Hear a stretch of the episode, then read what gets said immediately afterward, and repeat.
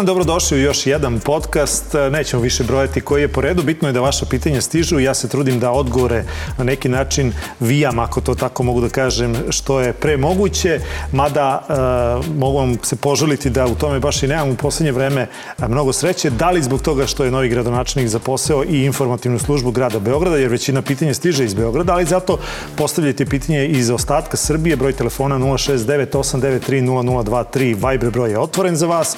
Takođe tu je Facebook, Instagram i Twitter mreža Pitajte Đuru, a vaše pitanja sa vašim problemima i naravno pitanjima koje niste mogli naći odgovor šaljite i na e-mail adresu pitajteđuru.nova.rs. I upravo su pitanja koje su se ticala ekologije vrlo često u ovom podcastu, pa ćemo se i danas ne samo time baviti, ali na neka, neki način to će nam biti centralna tema, zato je moj današnji gost Savo Manojlović, direktor inicijative Kreni promeni. Savo, dobro dan, dobrodošao. Dobar dan, bolje vas našao. Direktor za kampanje. Direktor za kampanje, se to tako da, kaže? Da, pošto imamo izvršnu direktorku, ona je šef, što se kaže. E sad, kad pominjamo kampanje, na našem sajtu e, piše ovako kampanje na poljima ekološke pravde, ljudskih prava, ekonomske pravičnosti i demokratije. Tako je. To Time su... se sve bavite, ali e, šta je ono što čime se najčešće bavite od svih ovih nabrojenih ovde? Pa to, to su, da kažemo, neka četiri stuba, e, kako mi volimo da kažemo, delovanja. Ja mislim da smo najprepoznatljiviji sigurno po ekološkoj tematici vezano i za Rio Tinto, ono, čak se to negde često i, men, i, i ja vezujem za to. Ono što ja volim da isteknem jeste da nisam ekolog po profesiji, ali smo pre nego što smo obrađivali tu temu, kao neko ko se bavi a, pravnim sistemom, ja sam doktor, znači ustavno i upravno a, pravo sam doktorirao, to je moja tematika, a bavim se i društvenim organizovanjem. Pre nego što to pravno obradimo i organizujemo kampanju, mi pitamo, da kažem, stručnjake. Pre svega ovde smo konsultovali pri, pri, pripadnike Sanua i Draganu Đorđević i uvek želimo da čujemo taj glas struke. Pored toga, negde prepoznatljiva kampanja je i borba za poštovanje zakona u oblasti nacionalnih frekvencija. To su, da kažemo, možda dve teme koje su, da, po kojima smo najprepoznatljiviji, ali branili smo, da kažemo, i uhapšene u vanrednom stanju kada su bili pušteni nakon naše kampanje. Sama organizacija, njeno studentsko krilo je, recimo, izboksovala odbranu studentske poliklinike, pomagali smo naučnicima da odbrane prirodnjački muzej Parkić na Banovom brdu je nešto čime smo se takođe bavili i ima dosta drugih tema gde su sami građani dolazili kod nas. Mi smo im, da kažemo, davali neku vrstu pomoći, ali je pobeda njihova. Naprimjer, kampanja vezana za kampanja vezana u oblasti akušerstva, kada je recimo Zemunska bolnica pristala da kod žena koja se porađa partner njen može da bude prisutan. E sad, sve te teme ne bi bile vidljive da ne ukazujete upravo i na stanju medijima, ali stiče li se e, utisak, bar je to moj lični utisak, da nekako ta priča oko Rio Tinta je otišla u zapećak i da kao da ne da je ta stvar rešena, ali kao da više nije toliko bitna. Dakle, šta se sada trenutno dešava sa Rio Tintom? A, hoće li se svetlo javnosti ponovo baciti na tu temu ili je ta priča za, za uvek na neki način zatrpana sa ovim svim ostalim situacijama koje nam se dešavaju svakodnevno? To je dobro pitanje. Dakle, nakon blokada i onih, da kažemo, uslovno rečeno, a, pobeda koje su građani e, izvojevali, to su bili povlačenje zakona a, o, na, na, nad ovog izmena zakona o ekspropriaciji, promene zakona o referendumu i narodnoj inicijativi i izmene prostornih planova Jadar i prostornog plana Loznica. Dakle, na neki način je pravno gledano Rio Tinto spreče da se dalje bavi, da dalje sprovodi pre svega u dolini Jadra a, svoje istražne radnje. Ono što je međutim evidentno i što ukazuju brojni dakle, a, dokumenti do kojih smo došli, čak i sastanci unutar Evropske unije, sa zvaničnicima Evropske unije Rio Tinto, ali i neke izjave Rio Tinta. Dakle, očigledno je da oni sada čekaju ovde i im postoji to zatišje. Kada nema tenzije, nema ni, da kažemo, pažnje javnosti. Dakle, upravo je to bio razlog zašto je na neki način problem rešen zbog visokog pritiska javnosti. Sad, čeka, sad se čeka ta tema a, padne i sigurno je da će vlast probati da skuva javno mnjenje. Jedini razlog zašto a, Jadra nema jeste zato što se javnost i narod pobunio. A da li je problem rešen? Pa, e, taj konkretno... Što... Jer po izjavama e, Problem od predsednika, pa, ajde, kolokvijalno znači... naniže, e, mi imamo opet na neki način na mala vrata te kome je nagovorio da ovo potpišem, Tako ja sam je, dakle, pogrešio i tome slično. Dakle, da li je problem zaista rešen oni, ili on samo odložen? Oni će sigurno Znači, bitka će se nastaviti sada na koji način? Oni gledaju sada istraživanja javnog mnjenja i pokušavaće da skuvaju tu uh, žabu javnog mnjenja, oni će sada probati da preobrate svest kod ljudi, pričom o, ne znam, stranim plaćenicima, iznošenjem jako nebuloznih stvari, ali kroz neku kontrolu medija gde vi Dakle, ne možete da čujete drugu stranu, oni će pričati o tome kako je litijum energetska šansa. Iako litijum nema nikakve veze sa, recimo, energetskom krizom koja će pogoditi Srbiju i koja se tiče, na primer, grejanja ali njih to neće spreščavati da recimo iznose neistine, kao što su recimo iznosili na televizijama sa nacionalnim frekvencijama, da je neko tražio da se zabrani ugalj u Srbiji, upirući prstom recimo na nas, što nikada prosto nije bio slučaj. Znači oni će pokušavati javno mnjenje da promene, ono što želim da isteknem trenutno je situacija i to je bila i pre izbora i njihovo biračko telo nije većinski za taj projekat, oni će pokušavati da to promene. Prema tome, bitka se i dalje vodi. Mi u toj bitci i dalje učestvujemo, što kroz narodnu inicijativu, što je prvi predlog zakona po novom zakonu o referendumu i narodnoj inicijativi, što kroz organizovanje mreže aktivista po celoj Srbiji. E sad, kad pominjemo to kuvanje žabe, javnosti a, i e, ono što Ja sam razgovarao i sa mnogim ljudima koji su kritički nastrojeni prema ovoj vlasti i prema odluci da Rio Tinto i onoj pređašnjoj i ovoj sadašnjoj vlasti da Rio Tinto uđe u Srbiju. Međutim, ljudi koji su ekonomske struke, a, kažu da sad nije popularno stati na stranu i reći Rio Tinto je razvojna šansa Srbije. Zašto to pitam? Pitam da li postoji ikakva varijanta da Rio Tinto ili neka kompanija koja se bavi poslom kao što se bavi Rio Tinto bude zaista razvojna šansa Srbije i da to u nekom slučaju sa dobrom kontrolom, sa međunarodnom kontrolom bude zaista nešto što će doprineti razvoju Srbije, a ne ekološki ubiti Srbiju. Dakle, pre nego što smo ušli u ovu kampanju, mi nismo neko ko je ovoj temi pristupio na neki populistički način u smislu da smo neodgovorno huškali javnost. Znači, mi smo seli sa stručnjacima.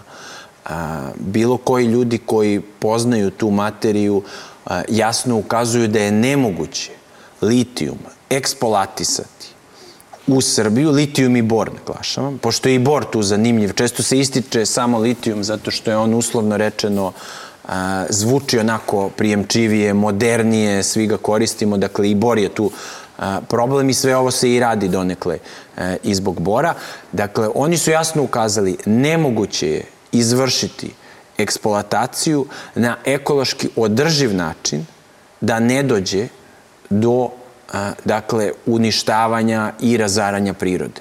Da ne dođe do, tako kažemo, ugrožavanja i zdravlja ljudi i životne srodine. To je reč eksperata koji su zaista nezavisni i zaista nemaju ni nekakve političke ambicije, niti su vezani za, vezani za nekakve sumnjive a, fondove. Ja tim ljudima verujem, čitao sam njihovu argumentaciju, ona mi deluje prilično razumljiva.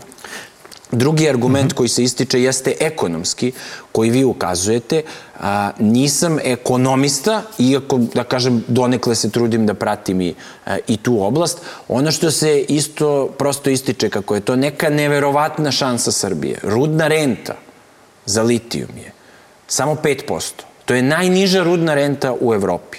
Ja ne kažem da je uspostavila... kada bi se ta renta povećala, da li pa bi... Pa i kada bi se po povećala ta rudna renta, ta rudna renta je renta na, e, da kažemo, na profit, ne na prihod. Što znači vi kada krećete, vi imate milijarde investicija, pa je potrebno da izvučete profit gde ćete doći na nulu, što znači da će godinama i godinama taj profit biti zapravo nula, a da ne govorim što vi vrlo često možete, da tako kažem, da ispumpavate pare, zašto su verovatno a, naša, ako Rio Tinto nema eksperte za to, naša vlast je sigurno maher u tim stvarima, gde ćete vi angažovati neke čerke firme gde ispumpavate pare, stalno profit prikazujete na nuli. Znači, ja ne verujem u ekonomsku održivost, pogotovo sada, kada se govori da će ključna stvar u svetu biti pitanje hrane i nestašice hrane. Dakle, ja, ne, ja mislim da je to pitanje i bezbednostno, Dakle, ja ekonomsku održivost ne vidim, niti je iko pokazao. Te priče koje neko govori kao da Srbija to radi i kao da će Srbija totalno dobijati profit, nije prosto tačan. Koja god firma dođe, Rio Tinto ili neka druga firma, dakle, ona će iznositi profit. A u ekonomskom smislu ne postoji zemlja na svetu koja svoju e, koja je ekonomski prosperitet dakle beleži na rudarstvu koja zasniva na rudarstvu. Dakle, da li su najrazvijenije e, zemlje sveta dakle, e, svoju ekonomsku moć razvile na rudarstvu? Ne. Ja imam tu jednu rečenicu koju često ponavljam. Narod Srbije će taj bolji život od litijuma imati u onoj meri u kojoj narod Konga ima ekonomski prosperitet pod znacima navoda od dijamanata. E sad, dakle, sve ove... to, je uvek prim, to je uvek stecište korupcije i eksploatacije. A čak i kad bi postojao nekakva ekonomska rečunica koja, ponavljam, nema, ona nije vredna toga da vi uništite znači, prirodni potencijal ove zemlje i zdravstveni potencijal cele nacije. Ja samo ukazujem da smo mi po broju obolelih od raka e, zemlja, dakle, sa najvećim standardima. I tu je teško utvrđivati uzroke, ali, dakle, očigledno sada imamo jedno najzagađenije područje vezano za vazduh. I neko je na vlasti, dakle, dozvolio i prosto rekao nije bitno kakve, nisu, ekološki standardi nisu bitni. To je, ponavljam, predsednik Republike izjavio u jednom intervju kad su ga pitali zašto kod nas dolaze dolazi ta prljava tehnologija. I on je rekao, pa oni moraju da poštuju tamo nekakve nebitne ekološke standarde, a kod nas ne moraju. Odgovor naroda je moraće i u Srbiji da ih poštuju. E sad, na ove vaše rečenice, uh, vrlo često ste okarakterisani kao strani plaćenik, domaći izdajnik i tome slično, dakle, vrlo često i novinari koji apostrofiraju ovu čitavu priču, takođe kršteni na taj način, pa zbog svega toga da ne bi bilo da samo gostujete po, uh, kako ih oni krste, opozicijalnim medijima, vi ste uputili jednu inicijativu da ova priča se preseli na javni servis. Mislite li da će nakon svega ovoga RTS prihvatiti ovakvu jednu inicijativu, da se ovome otvoreno priča i sa jedne i sa druge strane, neka svako dovede svoje stručnjake a, i pod navodnicima i bez navodnika, pa da se ovome a, obavesti kompletna javnost.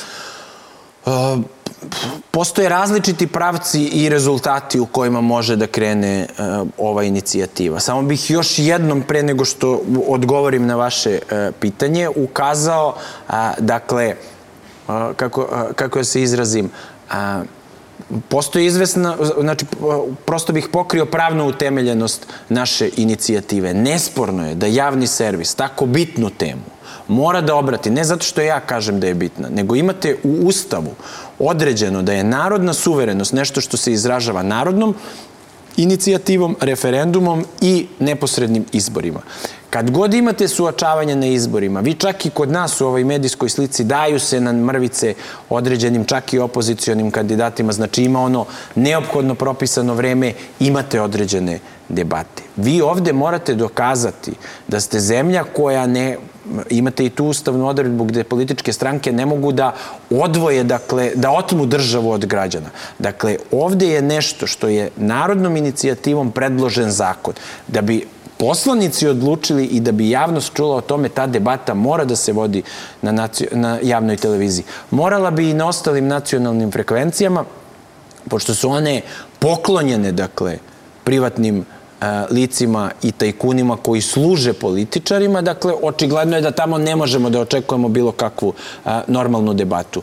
A, odgovornost javnog servisa je, ako se debata ne bude vodila na nacionalnoj televiziji, ako institucije ne budu poštovale, peticije i narodne inicijative, makar da se povede rasprava, nemojte onda pričati o nekakvim stranim plaćenicima ili silama mraka, koje su izazvale erupciju nezadovoljstva.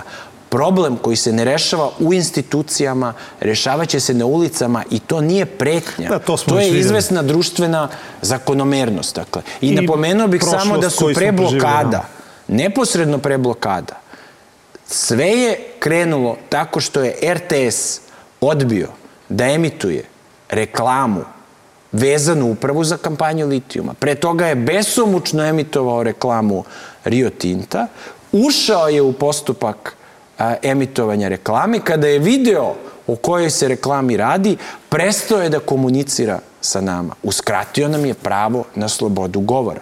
Odgovor je bio prvo protest ispred RTS-a, reklamu je, su videli milione ljudi tada. Učinili su nam faktički uslugu. uslugu. Onda je usledio protest ispred predsedništva, gde smo najavili blokade. Dakle, RTS mora da shvati svoju društvenu odgovornost u kojoj se nalazi. Mi uvek prvo insistiramo na pravnom rešavanju spora. E sad, e, kad pominjete medije, vi ste podnijeli inicijativu o zabrani Happy-a i Pinka.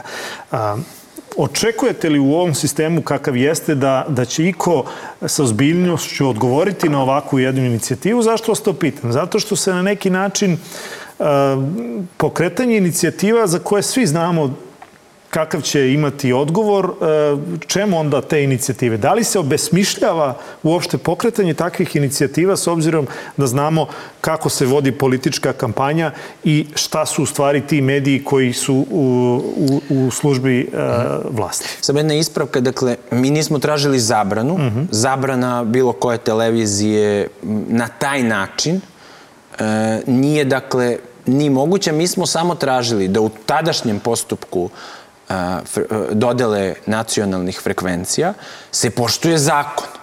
Dakle, mi smo kao javnost izneli očekivanje i mislili smo da je bilo vrlo bitno da se čuje glas stručne javnosti, ali i građana, što je preko 210.000 a, potpisa, što je najmasovnija peticija skupljena u Srbiji za tako kratko vreme. Imali smo još masovnije, još masovnije protiv Rio Tinta, ali na duži period. Ali kad period... pominjete te peticije, dakle, uh mhm. -huh. zašto vas to pitam? S obzirom da ste uh, pravnik, dakle, koliko su te peticije obavezujuće? Da li je ta peticija samo na neki način pokazatelj uh, glasa javnosti i onako kako razmišlja i ona druga, nazovimo je tako kolokvijalno, uh, uh, većina ljudi, uh, ili, ili to zaista ima neku pravnu obavezujuću e, formu kada tamo neko 295.000 ljudi kada da svoj potpis da Rio Tinto kaže ne Rio Tintu, da to onda neko mora, a ne samo da, da, da vidi, nego da neko mora da reaguje na zakonski način. Dakle, šta zakon kaže? O,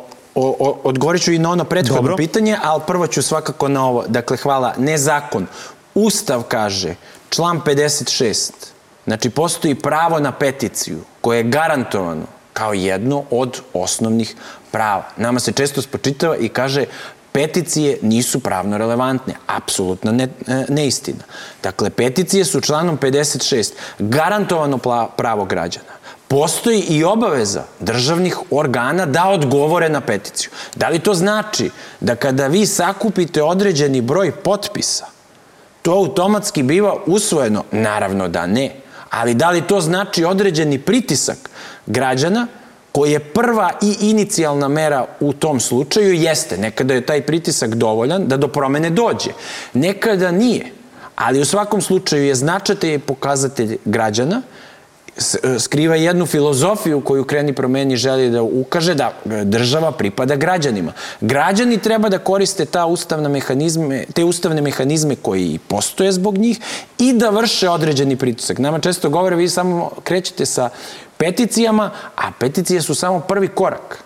Pogotovo online peticije nakon koje postoji platforma, korak? platforma Pa evo, možemo da analiziramo, možemo da analiziramo. Ajmo dakle, na nekom primjeru. Evo na konkretnom primjeru vezanom za Rio Tinto. Imali ste recimo online peticiju koja je prvo sakupila 100.000 potpisa. A, zatim ste imali preko te peticije i platforme je finansirano od strane građana reklama koja će biti protiv Rio Tinta. Rađena je cela kampanja. Preko toga smo došli i javili su se i glumci i režiseri koji su, dakle, kreirali tu reklamu zajedno sa ljudima iz Kreni promeni. Napravljen je vrlo konkretan protest ispred Rio Tinta i u jednoj, me, ja, ja čak ne znam, uh, to moram da kažem, znači jedna osoba iz tima, uh, to je bila njena njena ideja, ali ja ne znam bolju marketinšku kampanju nego ta reklama koja je u tom momentu za jedan dan videlo samo na mrežama Kreni promeni preko milion ljudi, a delili su je ljudi i mediji sa znatno širim ričem. Nakon toga se stvorio bum oko kampanje Rio Tinta. Nakon toga smo imali još jedan vrlo konkretan protest sa konkretnim zahtevima od kojih se nije odstupalo, koji su bili pravno utemeljeni, koje su podržali eksperti i imali smo blokade koji su u dva meseca doveli vlast. I najveće, najviše predstavnike vlasti, odnosno onog ko faktički jeste imanencija vlasti i koji je rekao da neće popustiti da usvoji pravo građana, što pokazuje još jednu stvar koja je u Srbiji, da kažemo, često se spočitava, kako je narod inertan i kako ne želi da promeni. Apsolutno suprotno. Kada postoji određeni plan, I kada ljudi stanu iza određenog zahteva, do promene može da dođe. E sad bih se vratio, ako dozvolite, znači na ono prethodno pitanje. Dakle, peticije su i pravno izuzetno, dakle, utemeljene, one su ustavno pravo svih uh, građana, apsolutno u bilo kojoj kampanji nikad se nije stalo samo na peticijama, one izražavaju moć građana da vam neko sutrada ne kaže vas izađe 10.000, neko kažemo bilo je 20 ljudi tako što Pink ili Happy emituju, uh, emituju početak ili kraj uh, protesta. Zanimljiva su platforma da obaveštavate građane i očigledno imamo rezultate. Znači, Parkić je branjen tako što su skupljene peticije, pa smo imali seriju a, protesta, dakle, svake nedelje na Banovom brdu. Studentska poliklinika je preko toga odbranjena. Prirodnjački muzej, a, Reri je radio sa nama bio peticiju vezanu za pravo na vodu i prosto nije korektno zato što uvek zaboravim Evo, peticija, i druge ljude koji su radili. A mogu koji... samo da vam mhm. odgovorim na prethodno Ajde. pitanje koje je, zato što mislim da je bilo bitno zašto ulazimo u, u, u određene stvari koje teško deluju. Izgledalo je izuzetno teško da će nakon izbora i one apatije koje je u tom momentu a, delovala, kada je većina građana bila a, očajna, a, izgledalo je, dakle, veoma teško da ćete uspeti nešto da postignete, pa čak i da pokrenete građane, ako je u pitanju interes Pinka i Happy-a. Pogotovo ako se to dešava leti, kad je većina ljudi na odmorima. Dakle, mi smo smatrali da mi, kao neko ko se bavi građanskim pravima, dakle, želi da zaštiti prava naših građana i ovog naroda tako što će ući u jednu borbu sa jasnim davanjem argumenta. Ta borba je zaista u tom momentu eksplodirala, veliki broj ljudi se pridružio i ja mislim da bez obzira da li će nekad znači, određeni stvari uspeti ili neće uspeti, pritom smo mi u toj kampanji bili toliko satanizovani kako nismo satanizovani ni u, recimo, borbi protiv a, Rio Tinta. I sve te borbe u početku deluju nemoguće. I odbraniti Parkić kad vam dolazi sad, šta vam je sad 20, izvesno, 20 građana, e, samo da završim, dakle, pojentu, mislim da je ipak pokazala moć građana i na kraju krajeva ne možemo da živimo u društvu gde ćemo reći prestaćemo da koristimo prava građana. I ova kuća, konkretno, dakle, u kojoj se nalazimo, je konkurisala za nacionalne frekvencije, zato što je smatrala, pričam o, o Novo S i e, N1. Zašto? Zato što ja verujem da je smatrala isto kao nas.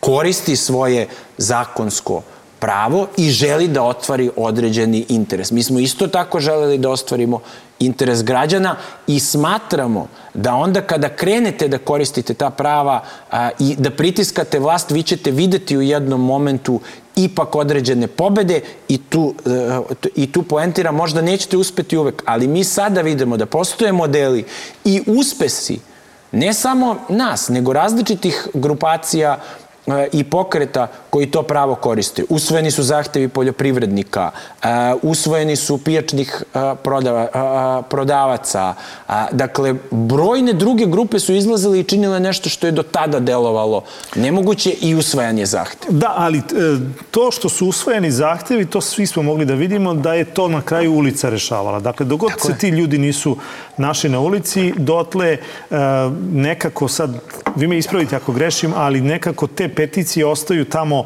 online na tastaturi i tu... Ne, svaka od tih peticija. Da li mislite da ti ljudi koji potpisuju peticije, koliki broj ljudi od tih koji potpiše peticiju online izađe zaista na ulicu a, a, jer vidi da to što je napisao nije dovoljno? Dakle, da li su ljudi Logika, uopšte svesni toga? A, pa, vi ovim dižete sve. Znači, logika kreni promeni jeste da se danas u jednom digitalnom svetu upravo taj online aktivizam, društvene mreže i ostale stvari pretoče u realnu moć na ulicama. I mi smo to radili i kod blokada i kod odbrane parkića. I mi smatramo, često ljudi ističu online svet je nešto što sprečava promenu. Prosto tako je kako je. Živimo u eri koja sigurno nosi određene, a, dakle, prednosti i mane. Mi smatramo da jednostavno možete uzeti određenu stvar i krenuti da je koristite. Mi smo na taj način uglavnom komunicirali znači, sa javnošću. Znači, vi mislite da se taj aktivizam ne završava na internetu, već da on u određenom momentu mora da se prelije na ulicu? i te naše peticije, znači logiki, logikija tih... Logik... Šta je okidač da ljudi izađu na ulicu, dakle? Ha, pa to zavisi od konkretnog, uh, od konkretnog momenta. Znači, vi uvek morate da prepoznate kada je trenutak da ćete pozvati uh, ljude na ulicu. I mi smo do sada očigledno to uspešno radili. S druge strane, nekada morate sami da gradite, to je prosto i u teoriji društvenog organizovanja kojim se bavim. Znači, vi nekad sami morate da gradite taj moment. To znači da ćete nekad stajati na ulici sa nekoliko ljudi, nekada ćete to raditi kreativnim performansom, ali to vam je kao planinarenje. Znači, da biste stigli do blokada, vi ste pre toga morali da odredite čitav jedan niz pripremnih radnji, da izlazite u javnosti sa argumentima stručnjaka. Pa će neko kaže ko još sluša stručnjake. Tačno je, niko ne sluša stručnjake, ali bitno je reći da, mi smo to uradili. Pa ste pitali ljude preko peticija. Pa su oni rekli, pa izjasnili su se da su za to što vi tražite. Pa ste vi na taj način dokazali moment da ipak ljude to zainteresuje i da oni ne podržavaju vlast po tom pitanju. Možda vlast uspeva da napravi tu većinu na izborima, ali ne uspeva oko svakog pitanja koje je loše i vi pokazujete da uh, partiji nikada ne smete prepustiti državu, koja god partija je na vlasti. Vi kao, mi kao građani i kao narod smo ti koji ćemo odlučivati kada se dešava. Pa nakon toga, dakle, krenete da koristite svoje pravo za RTS, pa kada, ako vam, ako vam puste, vi ćete imati jednu pobedu na RTS-u sa reklamom. Znači, čuće se istine na RTS-u, što je mala pobeda. Ako vas ne puste, imaćete još veći protest. U tom momentu bilo vas je neki će reći i previše u medijima, pa ste se onda povukli i nekako vas u poslednje vreme nema toliko često. E, šta je sledeći korak? Dakle, kada možemo da očekujemo Savu Manojlovića sa megafonom i opet da povede neku od, od inicijativa na, na njen sledeći korak? Dakle, ja sam prošao po, po vašem sajtu pa mhm. sam gledao koliko koja od peticija ima potpisa. Ide od 200 do 295.000, preko 300 i tako dalje. Dakle, 210.000 potpisa za uh, oduzimanje dozvole Pinku i Happy-u, čini mi se da je to broj. Onda e, e, interesantno je bilo stop zlatiborizaciji tare. Dakle, i to je jedno, ali tu ima nekoliko samo hiljada. E, stop buci iz beogradskih ugostiteljskih lokala, to ima jako malo. Pa onda referendum po meri građana i to je jedna od inicijativa. Dakle, šta od svega ovoga, šta može biti okidar Samo za da ponovno kažem, to, okupljanje? To dakle nisu sve peticije kreni koje promeni. sam kreni promeni ili mi pokrenuli. Znači, mi istovremeno dajemo građanima mogućnost da pokrenu. Ali se nalaze na vašem sajtu, naravno. Tako je, tako je, tako je. Znači, mi dajemo platformu svim građanima koji se bore za pozitivne promene u ovom društvu u okviru određenih kriterijumima. kriterijuma. Recimo, dakle, borba preduzetnik, preduzetnica da se poboljšaju prava mama preduzetnica je nešto što one samostalno rade. Mi smo podelili, da kažemo, neku vrstu našeg znanja, dajemo našu platformu. E, I kad god je to nešto tako, znači uvek to uradimo, kako se kaže, e, besplatno, čistog, e, čistog srca. Damo im i ekspertsku podršku. Ajde se vratimo i, na pitanje. Dakle, kad ćemo, kad ćemo opet sa megafonom za neku pa nije, od ovih akcija? Mislim, nije, nije poenta u megafonu, ali prosto da, pitan koji je sledeći korak. Poenta je, poenta je, dakle, poenta je, dakle, u promeni. Ono što sada radimo konkretno, imaćemo sigurno i neke dve dve dakle nove kampanje kojima ćemo se baviti, ali suština kada će se određena stvar desiti ili ne, je onog momenta kada mi kreiramo određeni znači pritisak javnosti za određenu promenu, a od vlasti je da li će tu pozitivnu promenu usvojiti ili ne. Vlast uvek... Možemo li znati koje su te, recimo, te dve kampanje? Pa ne, ne, nećemo, dakle, pro, prosto imamo svoj način izlaska u medije, ali mi nastavljamo borbu vezanu za Rio Tinto. Ja mislim da će tu biti velika borba. Ona je trenutno, dakle, mimo pritiska javnosti, ali mi, dakle, ja nisam u javnosti, ali istovremeno sa drugim ljudima iz tima vršim obuku, dakle, naših kreni promeni članova i aktivista po Srbiji. Smatramo da treba da imamo a, mrežu, a, mrežu ljudi koja će se, dakle, ali koja će po celoj Srbiji se boriti za to. Ali to, to je prosto nešto što se moramo vratiti. Nekako u onome što ja dobio kao, kao input ja je da mislim, da narod misli da je to stalo. Da je tako to... i ja mislim, i ja razumem zašto je pažnja javnosti malo, da kažemo, splasna. To je prosto logička, logična posledica a, ponašanja vlasti. Međutim, moje mišljenje, i tu nije pitanje, ne bih voleo da to personalizujem, niti da prisvajam a, celu tu borbu, ali nije moguće da se to pitanje rešava na način na koji a, vlast misli. I ja zaista se na njihovom mestu a, ne bih igrao. Ljudi su često i kreni promeni e, i meni pripisivali neku kao hrabrost ili ludost oko ovih, e, oko ovih protesta i stvari. Ja mislim da je najveća ludost vlasti ukoliko krene posle svega da tera inat zbog nekih, da kažemo, ili obećanja, ili koruptivnih ugovora, ili nekog ličnog odnosa zbog toga što sada ima problem što je nama, što su popustili našim zahtevima i da uđe u sukob sa sobstvenim narodom. Ja ne mislim da će se to rešavati tako što će jedna osoba uzeti megafon, jedna osoba nije kreni promeni, ali ja verujem da će svi oni ljudi krenuti uz uh, da, da brane ono što im je najbitnije, to jeste zaista vazduh, voda i zemlja bez bilo kakve frazeologije. A ako na sve to dodamo jednu vrstu socijalne bombe koja je uzrokovana što da kažemo trenutnim svetskim dešavanjima, ali i nesposobnošću vlasti da rešava određena pitanja i visokim nivom korupcije, ja se zaista na njihovim mestu ne bih igrao sa time. Vrlo često, to jest na početku vašeg pojavljivanja u javnosti, e, pitali smo vas e, uvek kada je reč o ustavnom pravu, dakle kad god se nešto ticalo neke ustavne odluke, inicijative i tome slično, kako je sada stanje sa tim ustavnim sudom? Dakle, da li je to dalje politički sud ili tu postoje neki pomaci? Dakle, e, imali, imali ikakvog, ikakvog, ikakve naznake da će se tu stvari menjati? Pa ja da nisam neko ko mm, stručno, dakle, prati prosto rad Ustavnog suda i da nisam pravik, ja, bi, ja ne bih ni, ja bi se pitao verovatno kao i većina građana da li Ustavni sud uopšte postoji. Uh mhm. -huh. A, dakle, ja mislim da je a, e, jedna velika sramota da ovakav e, ovoliko nagomilanih pravnih pitanja, ako se one ne rešavaju institucijama, ponavljam, rešavaće se na ulicama. Ustavni sud je trenutno od svih odluka našao to da reši da je pravilnik po kome je oduzme, oduzet plagijat uh, Siniši uh, malom najproblematičnija očigledno uh, stvar u Srbiji.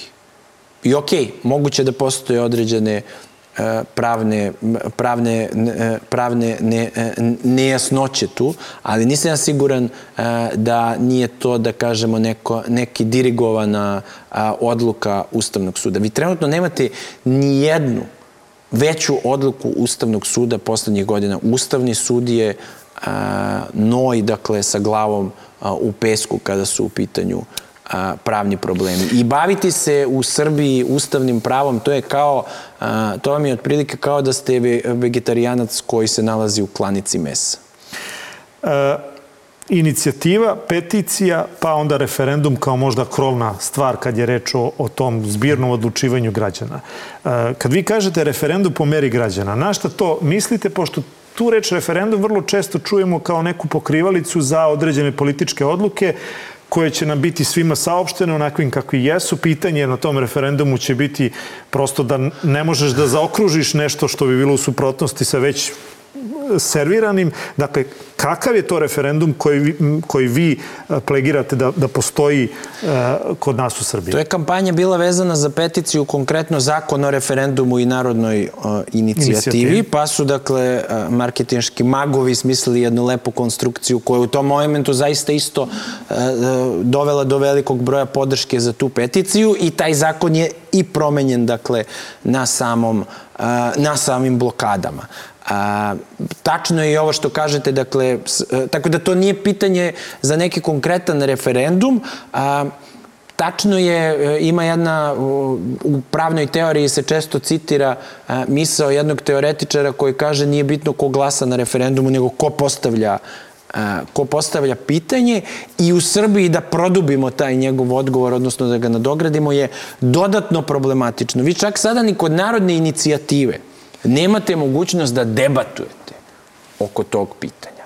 Ako, vezano za referendum, vi nemate mogućnost da suočavate a, argumente javno, naravno da će odluka uvek biti a, problematična. Kod nas je osnovni problem ne samo zakoni, nego način na koji se oni a, dakle, sprovode, odnosno postoji taj osjećaj da je došlo do jednog neprirodnog, protivprirodnog bluda između države, političke stranke, e, i kriminala.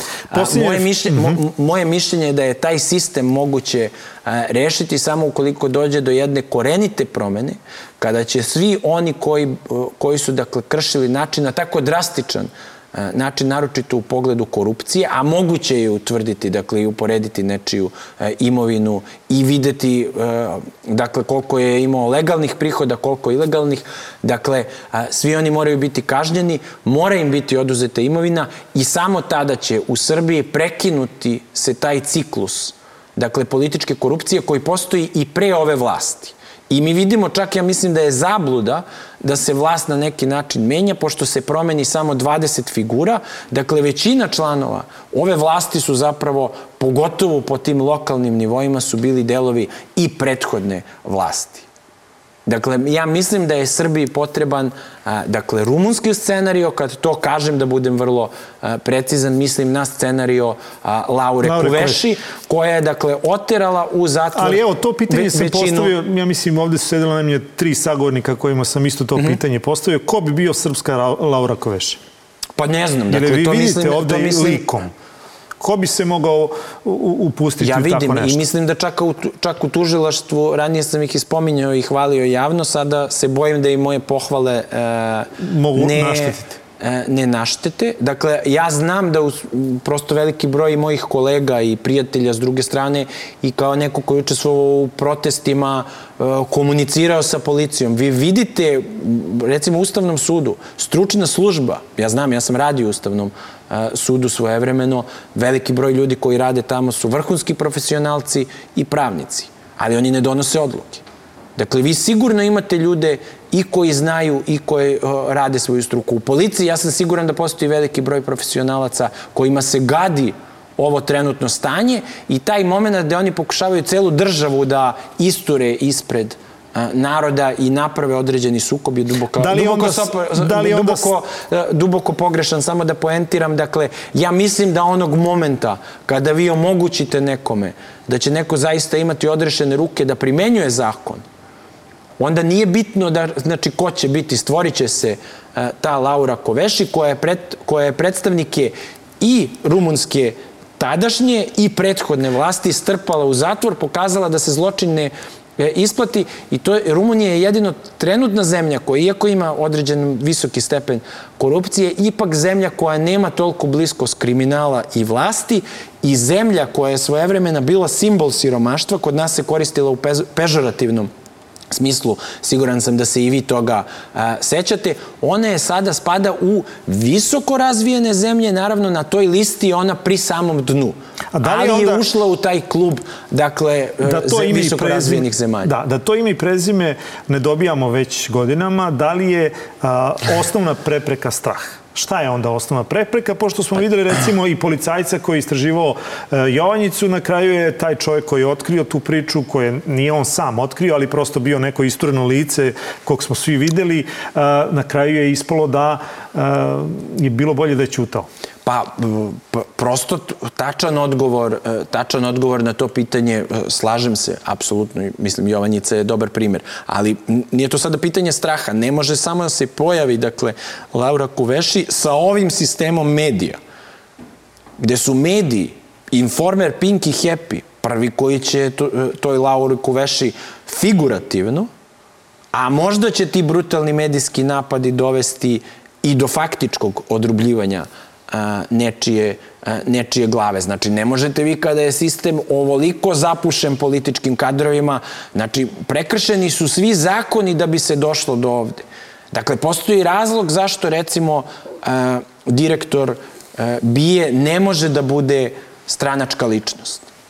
Postoji razlog, znači, zato što ne možete BIU da zloupotrebljavate kao partijsku ispostavu. Uloga BIE je bezbednostno-informativna agencija da se bavi bezbednošću ove zemlje. Ako zaposlite stranačke kadrove i rešite taj problem tako što taj neko podnese ostavku u stranci, a nema pojma. I nije problem što je on bio, uh, direktor BIE bio uh, keramičar. Znači, ja nemam problem, uh, bilo svaki posao mislim da je časno zanimanje, iako se neko bavio ranije nekim, da kažemo, niže rangiranim zanimanjem, pa je stigo, to bi u svakoj zemlji trebalo da bude uspeh. Ali ovde taj uspeh došao neprirodnim putem. Ne može neko ko je nestručan da se bavi pitanjem bije. I vi zato imate situaciju da ne može da se pojavi Laura Koveši kada imate okupiran sistem. Ali onog momenta, ako bi došlo do političke promene, koju bi pratili, dakle, određena i volja građana. Napomenuo bih da su i, Rumun, i u Rumuniji Lauru Kuveši branili građani na ulicama. Dakle, i ona je imala određenih a, političkih pro problema. Tek tada je moguće, kada se raščisti, znači ovaj sada okupirani sistem, da dođe do tih suđenja koja moraju biti brza, efikasna i apsolutno pravična. A se ja zalažem da budu i javne. Ja smatram da bi ih trebalo prenositi e, na televizijama uz poštovanje svih prava okrivljenih. Ali tada ćemo videti znači, kako je pljačkana e, Srbija i kako smo stigli do ovakvog, e, do ovako uređenog društva, ali ćemo poslati jasnu poruku da se zločin ne isplati. E sad, za kraj, jedno pitanje, opet ću se vratiti na referendum i ove pravne, pravne norme o koj, u kojima ste vi uh, ranije govorili. Uh, šta možemo, imali smo skoro ovaj referendum koji se ticao sudstva, uh, šta možemo očekivati da će biti naše sledeće referendumsko pitanje i kada bi ono moglo biti? Pa to zaista to zaista ne znam. Dakle, siguran sam da ako vlast bude ulazila u pitanje referenduma, Dakle, ona će sigurno štelovati e, rezultate i raspisivaće negde gde misli da ima šanse ili gde je moguće proizvesti neku vrstu rezultatskog e, inženjeringa. Međutim, postoji još jedan mehanizam, a to je da putem narodne inicijative sprovedete određeni referendum, što je recimo e, rešenje kome sam sam intimno sklon gde će građani kada sakupe određeni broj potpisa izneti određeno pitanje na referendumu i to je nešto do čega vrlo lako možemo da krenemo u susret tom scenariju, naročito ukoliko se nastavi ovakvo ignorisanje narodnih inicijativa i peticija. I to je recimo rešenje za koje se često u javnosti zalaže jedan od analitičara, gospodin Mrdalj. E sad, evo, kažem... I ja, ja, ja podržavam i slažem se, samo mislim da takođe treba e, napraviti tu referendumsku atmosferu vrlo vrlo pažljivo, planski i osetiti moment. Da li onda 295.000 potpisa za Rio Tinto, opet ću se vratiti na samo početak, samo za kraj. Dakle, da li je to dovoljno da neko kaže 295.000 ljudi je odvojilo svoje vreme i potpisalo, dalo svoj potpis za zabranu Rio Tinta ili ćemo opet gledati ovo što gledamo mesecima unazad posle protesta koji su bili na ulici ispred Sava centra?